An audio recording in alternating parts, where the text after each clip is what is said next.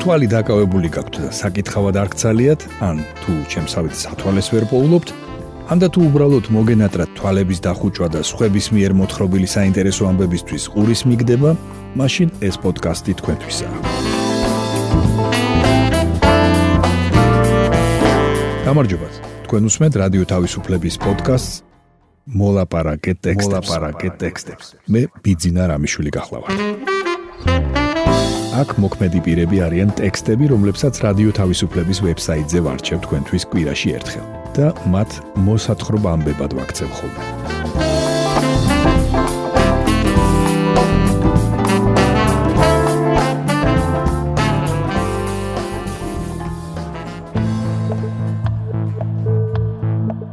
გესაუბრებით უკრაინაში მებრძოლი ბელორუსი მოხალისეების შესახებ. გაგაცნობთ სტატიას პოლ შრეიდერის ფილმზე კატა ადამიანები. დაგიკითხავთ სტატიას ვინც გონზე იყო ხელყუმბარები მოითხოვა და თავი აიფეთქა. ბახმუთში დაჭრილი ბელარუსი მოხალისის ნაამბობი.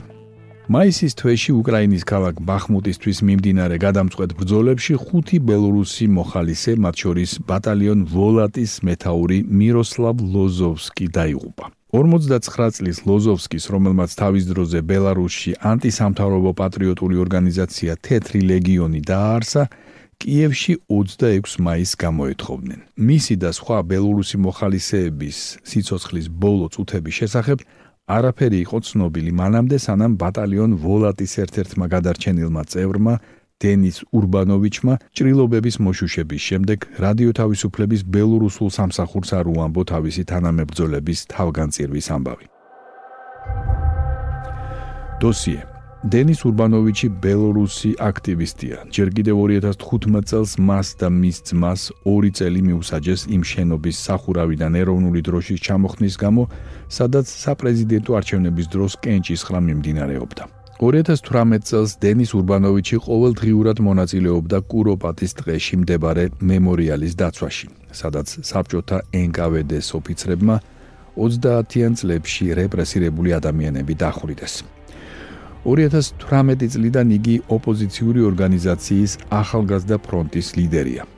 2020 წლის საპრეზიდენტო კამპანიის დროს, ისევე როგორც 2021 წლის მარტ-აპრილში, ურბანოვიჩს რამდენჯერმე მიუსაჯეს 15 დღით პატიმრობა. სულ 7 თვე გაატარა ციხეში. სასჯელს იხდიდა ჟოდინოსა და მინსკის გარეუბნებში არსებული იზოლატორების საკნებში. მრავალრიცხოვანი ადმინისტრაციული პატიმრობის შემდეგ აქტივისტ და მის თანამოაზრეებს საპროტესტო აქციების ორგანიზებაში დასდეს ბრალი და მათ წინააღმდეგ სისხლის სამართლის საქმე აღწერეს. 2021 წელს დენის ურბანოვიჩი გაემგზავრა უკრაინაში, სადაც შეუერთდა კალინოვსკის პოლკს და მის რიგებში რუსეთის მიერ უკრაინაში სრულმასშტაბიანი შეჭრის პირველივე დღიდან იბრძოდა. ეს ომი ურბანოვიჩის აზრით არის პირველი ნაბიჯი არამხოლოდ უკრაინის, არამედ ბელარუსის განთავისუფლებისთვის. დენის ურბანოვიჩი მაისის ბოლოს დაიჭრა. ზუსტად რამდენიმე დღით ადრე, მანამდე სანამ უკრაინის არმია დონეცკის ოლქის ქალაქ ბახმუტს დატოვებდა. იმავე ბრძოლაში დაიღუპნენ ბატალიონ ვოლატის მეთაური მიროსლავ ლოზოვსკი და ურბანოვიჩის საბძოლო ჯგუფის 4 წევრი. ურბანოვიჩმა ბახმუტის შენარჩუნებისთვის გამართულ ბრძოლებს უწოდა ყველაზე სასტიკი და სისხლიანი, რომელშიც მას მონაწილეობა მიუღია. ბელორუსი მოხალისის თქმით, ამ ბრძოლებში ორივე მეომარმა მხარემ აჩვენა გამძლეობა და გამარჯვების სურვილი. მისი თქმით, შეუძლებელი იყო იმის დადგენა თუ რომელ სამხედრო ნაწილს ეკუთვნოდნენ რუსულ უნიფორმაში მყოფი სამხედროები, რომელთაც ხედრებით მოფენილი იყო ბრძოლის მოწინავე ხაზი. ურბანოვიჩის თქმით, ვოლატის ბატალიონის ჯარისკაცების მხარდამხარი ბრძოდა ბევრი უკრაინელი, რომელთაგან ზოგიერთი ბრძოლაში დაიღუპა. ერთ ღამეს ჩვენს პოზიციებთან მოაღწია უკრაინელების დიდმა ჯგუფმა. მათ შორის ბევრი იყო დაჭრილი, საშინლად დაღლილი. ისინი საარტილერიო ცეცხლის ქვეშ ზომბებივით დადიოდნენ. იქ ყველამ დიდი გასაჭირი გადაიტანა, ამბობს დენის ურბანოვიჩი, რომელიც ასე იხსენებს ბოლო საბრძოლო ეპიზოდს. ციტატა რუსები შეტევაზე ტალღისებურად გადმოდიოდნენ. იყო შეტევა როდესაც ისინი იერიშზე გადმოვიდნენ ჯავშან ჟილეტების გარეშეც კი. ჩვენ მესამე დღე იყო რაც პოზიციებზე ვიდექით. უკვე შეუძლებელიც კი იყო წასვლა ფაქტობრივად ალყაში ვიყავით. ჩვენს პოზიციებზე ჯოჯოხეთური ცეცხლი მოდიოდა. გვესროდნენ ყველაფრიდან, რაც კი შეიძლებოდა. თავდაპირველად ერთ სახლში ვიცავდით თავს, რომელიც დაიწვა. კინაღამ ცოცხლად დავიფერფლეთ, მაგრამ რაღაცნაირად მოვახერხეთ გვერდით მდგარ სამსართულიან სახლში გადასვლა. ამ შენობამ თავიდან გვიშველა, მაგრამ შემდეგ ფაქტობრივად ჩვენი ჯგუფის ნახევრის სასაფლაოდ იქცა. ძლიერი ჭურვის მოხვედრის შემდეგ სახლი ჩამოინგრა. დანარჩენი უკვე ალაგ-ალაგ მახსოვს. ყვება დენის ურბანოვიჩი. დენის ურბანოვიჩს ახსოვს თუ როგორ დააღწია ნანგრევებს თავი. გული ერეოდა, რადგან თავში ქვები ჰქონდა მოხვედრილი. ახსოვს როგორ განაგრძობდა გარკვეული დროის განმავლობაში სროლას. ამ დროს რუსი სამხედროები უახლოვდებოდნენ. შემდეგ კი დადგა მომენტი, როცა გადაწყვიტა, რომ გადარჩენას ვერ შეძლებს. ტყვეთ ჩავარდნა კი არ შეიძლება. ხელყუმბარა გამზადებული ჰქონდა. მოხალისის თქმით, მას გაუმართლა. მოულოდნელად მოუსწრო დასახმარებლად და დაჭრილთა საევაკუაციოდ გამოგზავნილმა ჯგუფმა. ურბანოვიჩი დაბომბილი სახლიდან მოშორებით გაიყვანეს და საბავშვო ბაღის შენობის უკან დააწვინეს. სამსართულიანი სახლის სხვა დამცველებს კი ნაკლებად გაუმართლათ. ციტატა: ზოგიერთის გამოყვანა შეუძლებელი იყო. როგორ გამოიყვანდი, როდესაც ფეხები რამდენიმე ტონიან ბეტონის ფილებში მოყვათ. ვინც გონზე იყო, ხელყუმბარა ითხოვა, თავი აიფეთქეს. მხოლოდ ერთი გამოვიყვანეთ ნანგრევებიდან, მაგრამ არც ის იძროდა. როგორც ჩანს, ხერხემალი ჰქონდა გადამტრეული. ამ მებრძოლმა ევაკუაციაზე უარი თქვა. არ მინდა ვიყო უმოძრაო ინვალიდიო და გამოთხოვებისას გითხრა: არაფერია, მე ჩემი ვიცხოვრეო. ის 50 წელზე ცოტა მეტის იყო. ჯგუფის ყველა დანარჩენი მებრძოლი მძიმედ დაიჭრა, მაგრამ გადარჩნენ და ამჟამად ყველა განაგძობს გამოჯამრთელებას. ამბობს დენის ურბანოვიჩი. ურბანოვიჩის თქმით, საევაკუაციო ჯგუფი, რომელმაც დანგრეული სამსართულიანი შენობიდან ის და სხვა მისი დაჭრილი თანამებრძოლი სამშვიდობოს გაიყვანა, მათმა მეტაურმა მიროსლავ ლოზოვსკიმ მიიყვანა. ურბანოვიჩი და ლოზოვსკი მინსკის საპროტესტო გამოსვლებიდან იცნობდნენ ერთმანეთს. ურბანოვიჩის მსგავსად ლოზოვსკიც ცნობილი აქტივისტი იყო ბელარუსში. დოსიე მიროსლავ ლოზოვსკი დაიბადა მინსკში. 1995 წელს შეუერთდა ნიკოლაი სტატკევიჩის მიერ დაარსებულ ბელარუსის სამხედროთა ასოციაციას. იმავე წელს გახდა გასამხედროებული პატრიოტული ორგანიზაცია თეთრი ლეგიონის ერთ-ერთი დამფუძნებელი, რომლის მიზანი იყო წვევამდელი ახალგაზრდების არმიამდელი მომზადება. თეთრი ლეგიონის წევრები 1996-99 წლებში აქციებისა და მსვლელობების აქტიური მონაწილეები იყვნენ. ორგანიზაციამ არსებობა შეწყვიტა 2000-იანი წლების დასაწყისში. თავად ლოზოვსკი მინსკის რეჟიმმა რამდენჯერმე დააპატიმრა საპროტესტო მსვლელობებში მონაწილეობის გამო. 2020 წლის საპრეზიდენტო არჩევნების შემდეგ გამართული საპროტესტო აქციების მერე მიროსლავ ლოზოვსკი უკრაინაში გადავიდა. სრულმასშტაბიანი რუსული აგრესიის დაწყებისთანავე ის შეუერთდა ბელორუს მოხალისეებს. საომარ მოქმედებებში თავისი მონაწილეობის აფიშირებას თავს არიდებდა. ბახმუთში მიროსლავ ლოზოვსკის დაღუპვის მომენტი ურბანოვიჩს არ დაუნახავს, რადგან ის უკვე ბრძოლის ხას მიღმა იყო ევაკუირებული. მაგრამ ახსოვს საბრძოლო დავალებაზე გასვლის წინ მეტაურის და თანამებრძოლის ბოლო სიტყვები.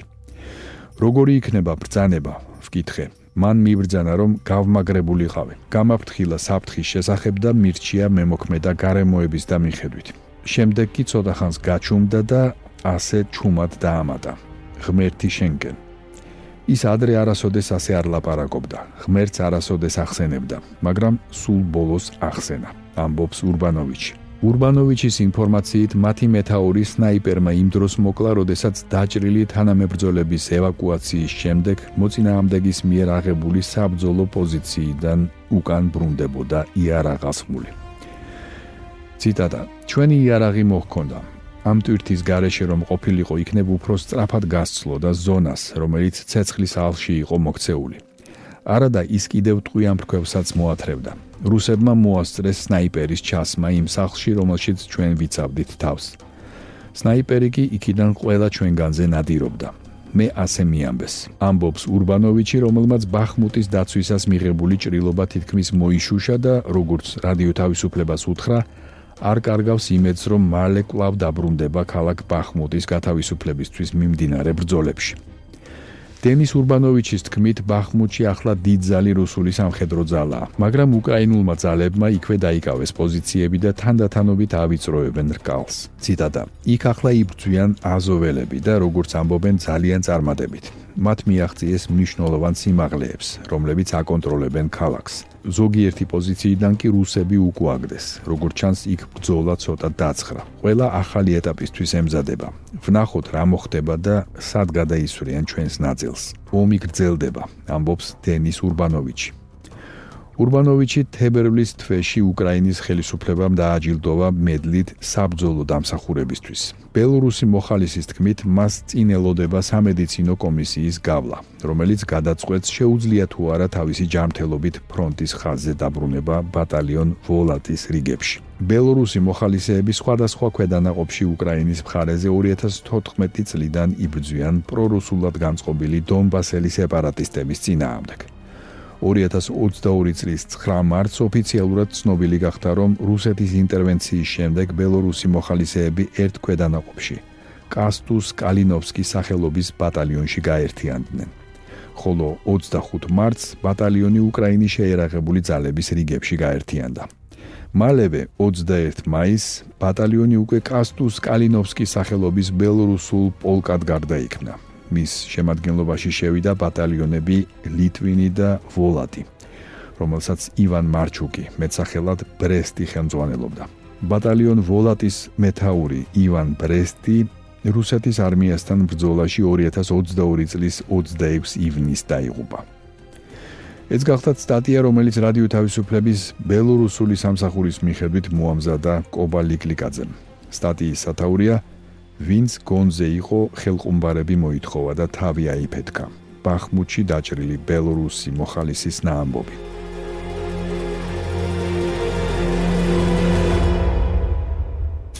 თქვენ უსმენთ პოდკასტს მოლაპარაკე ტექსტებს. წაგიგითხავთ გოგი გვახარიას სტატიას პანკი ბაბუა 80 წლისაა მასში საუბარი 1982 წელს გადაღებულ ამერიკულ კინოფილმ კატა ადამიანებზე, რომლის რეჟისორი გახლავთ პოლ შრეიდერი.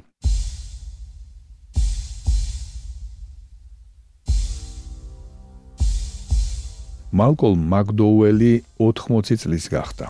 ორი წლის წინ მექანიკური ფორთოხლის აღდგენილი ვერსიის ჩვენების შემდეგ ვენეციის ფესტივალზე იმხანად 50 წელი გავიდა სტენლი კუბრიკის შედევრის გადაღებიდან მაკდოუელს პანკი ბაბუა შეარქვეს. ეს სახელი მართლაც ძალიან მოუხდა. გარეგნობით ცხადია შეიცვალა, მაგრამ მზერა ისეთივე აქვს, მუდმივად ცვალებადი და იდუმალებით მოცული. სახე და მზერა მოგეხსენებათ კინომსახიობის ინსტრუმენტია. მაკდოუელმა მაქსიმალურად გამოიყენა თავისი გარეგნობა. ითამაშა განგსტერი, ნაცისტი, პერვერტი იმპერატორი, კანიბალი. ბოროტების მთელი გალერეა შექმნა. მაგრამ თითქმის არასდროს დაუყვანია ეს სახეები კარიკატურის დონეზე. ლინცეი ანდერსონი, რომელმაც ფაქტობრივად აღმოაჩინა დიდი მსახიობი, ათამაშა რა თავის საუკეთესო ფილმებში თუ ო იღბლიანო და ჰოსპიტალი ბრიტანია ამბობდა რომ მალკოლმ მაკდოუელი სინათლის სიჩქარით მოძრაობს და ადამიანის სულში იქიდან გვახედებს რასთან მიახლოებისაც კი გვეშინია მაკდოუელი კონტრასტების გენიოსია. ამიტომ სრულიად ბუნებრივია მისი შეხვედრა კიდევ ერთ დიდ კინემატოგრაფისტსა და კონტრასტების ვირტუოზთან, ამერიკელ კინომცოდნესთან, დრამატურგსა და რეჟისორთან პოლ შრეიდერთან. ჩემთვის პირადად პოლ შრეიდერის ციგნი ტრანსცენდენტული სტილი კინოში, ოძუ, ბრესონი, დრეიერი, რომლის ქართული თარგმანი უკვე გვაქვს, კინომცოდნეობის ბიბლიაა. არ მეგულება ამაზე მნიშვნელოვანი ტექსტი კინოს თეორიაში. ასევე კინოდრამატურგიის ეტალონად შეიძლება მივიჩნიოთ შრეიდერის სცენარები მარტინ სკორსეზეს ფილმებისთვის ტაქსის მძღოლი და გააფთრებული ხარი. ვიცი, ბევრი დამეთანხმება.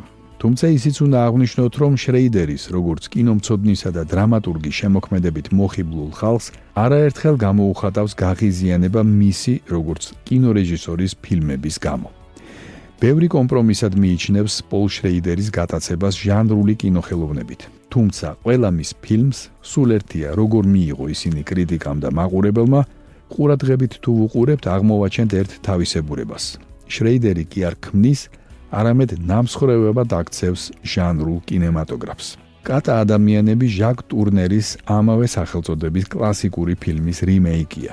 1942 წელს გადაღებული კატა ადამიანები, ან სხვაგვარად კატისებრი ადამიანები, ეპოქის სარკეა, შიშის ატმოსფეროს გამოხატვის შედევრი, რომელიც განსაკუთრებით უყვარდა შრეიდერს. ჟაკ ტურნერს არაერთხელ უთქვამს, რომ თავის ფილმებში თამაშობს შიშზე, რადგან თვლის, რომ შიშითაა გაჟღენთილი კაცობრიობის ისტორია. მეტიც, შიში მთელი სოციალური სტრუქტურის საფუძვლადაა გადაქცეული. 1982 წელს, როცა შრეიდერი კატა ადამიანებს იღებდა ცივი ომის ეპოქაში, სამყარო ისევ შიშით ცხოვრობდა, მაგრამ ამ შიშის გააზრების პროცესიც უფრო მასშტაბური გახდა. მაგალითად, ქალზე ძალაუფლების მოპოვების ვნება სწორედაც რომ საშიში დესტრუქციული ქალის სახეს დაუკავშირდა. ფემინიზმის მეორე ტალღის ეპოქაში შრეიდერმა შეცვალა ტურნერის ფილმის აქცენტები. მეტიც, კლასიკური კინოხელოვნების მასკულინურობისგან გათავისუფლებაც გადაწყვიტა. კატა ადამიანები არ ემორჩილება ჟანრების კლასიფიკაციას. ფილმში ბევრია შემაშინებელი სცენა, მაგრამ ეს ჰორორი არაა. არის ეროტიკული ჩანართები, მაგრამ ეროტიკულ კინოს ვერ უწოდებ. არც თრილერია, რადგან ინტრიგა არსებითად არც არის. ამბავი მაქციებზე დასა და ძმაზე, რომლებიც იმ უძველესი ადამიანების მემკვიდრეები არიან, ლეოპარდებს რომ სწირავდნენ ქალებს, უფრო ფსიქოლოგიური დრამაა. ფილმი ახალგაზრდა ქალში, ქალწულში სექსუალურობის გაღვიძებაზე და ბრძოლაზე უმანკოებასა და ვნებას შორის. მაქცია, რომელსაც ჩვენში ხშირად მგელკაცას უწოდებენ, პოპულარულმა კულტურამ ქალად აქცია. მაქცია იდეალური კინოსახეა, რადგანაც გადაქცევას ვიზუალურ ტრანსფორმაციას გულისხმობს. ამიტომ გადაქცევის თუ გაორების ეს მოტივი დიახაც პოლ შრეიდერის როგორც კინოთეორეტიკოსის კონცეფციის გაგრძელებაა. ნამდვილის დაპირისპირება მოჩვენებითთან. ნამდვილის აღმოჩენაა ცრუ ყალბი ფორმის მიღმა. სიკვდილი ერთ სტატუსში და დაბადება მეორეში. ამოება ერთში და მარადიული მეორეში. ურჩხული მთელი თავისი დამანგრეველი ინსტინქტებით ყოველ ჩვენგანშია. მისი დანახვა საშიშია, ამიტომ არაფრით გვინდა ვაღიაროთ მისი არსებობა და გვირჩევნია გავაგზელოთ ცხოვრება მისივე კარნახით. მოჩვენებითი ფორმის მიღმა ტრანსცენდენტულის გაშიშვლება ადვილი არაა. ამის მისაღწევად იმ რეჟისორების ნიჭი უნდა კონდეს, ვისაც აღმერთებს შრეიდერი და გარკვეულწილად ბაძავს კიდეც. ოღონდაც პოპულარული კულტურის ფარგლებში. კატა ადამიანებში მას ხვებიც ეხმარებიან. ოპერატორი ჯონ ბეილი, მისთვის დამახასიათებელი ხაზგასმით სტრუქტურირებული კადრებით. მხატვარი ფერდინანდო სკარფიოტი, მთელი ანტიკური სამყარო რომ გააცოცხლა ლუკინო ვისკონტის ფილმში სიკვდილი ვენეციაში. კომპოზიტორი ჯორჯო მოროდერი, სინთეზატორისა და ჩელოს დიალოგზე რომ ქმნის მუსიკალურ პულსაციას, ასევე აგებულს მუდმივ ცვლილებებზე. დევიდ ბოუი, სიმღერით რომელიც ფილმის მთავარი მუსიკალური თემა გახდა და რა თქმა უნდა ნასტასი კინსკისა და მალკოლმ მაკდოუელის დუეტი. დაწყევლილი დაძმა, რომელთა ხედვის წერტილების, ქალის და მამაკაცის ხედვის წერტილების შეჯახებაზე იქმნება კატა ადამიანების სახიერი სამყარო, სადაც თავის მხრივ პირველყოფილ მაჩოს ამბოხებას მოუწყობს ქალი კატა. პოლ შრეიდერის ფილმებში არაერთხელ გათამაშებულა ციხის გალიის მეტაფორა. 80-იანი წლების ახალი ორლეანის ზოოპარკში დაიწყება ქალი მაქციას ეროტიკული თავგადასავალიც კატა ადამიანებში ფილმში, რომელიც კიდევ ერთხელ გაგვახსენებს დამანგრეველი царსულისგან ჩვენი გენეტიკური ტვირთისგან გათავისუფლების ერთადერთი გზა სიყვარულისკენ სწრაფვა. მე წაგიკითხეთ გოგი გვახარიას სტატია პანკი ბაბუა 80 წლისა.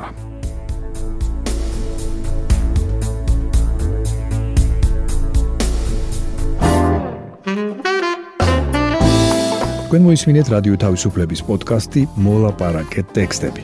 მე კვირაში ერთხელ ვარჩევ რადიო თავისუფლების ვებსაიტზე გამოქვეყნებულ ტექსტებს და მათ მოსათხრობამდებად ვაქცევ ხოლმე. ჩვენი პოდკასტი შეგიძლიათ გამოიწეროთ, ჩამოტვირთოთ ან მოისმინოთ პირდაპირ რადიო თავისუფლების ვებსაიტზე. მისი მისამართია რადიო თავისუფლება.ge. თუ ჩემი მიერ მოთხრობილი ტექსტები სრული სახით დაგაინტერესებთ, მათი მოძებნა იულია. ვებსაიტზე, პოდკასტის გვერდზე იპოვით ყოველ ცალკეულ პროგრამაში მოთხრობილი ტექსტების ბმულებს. მე ბიძინა რამიშვილი ვარ. მომავალ შეხვედრამდე.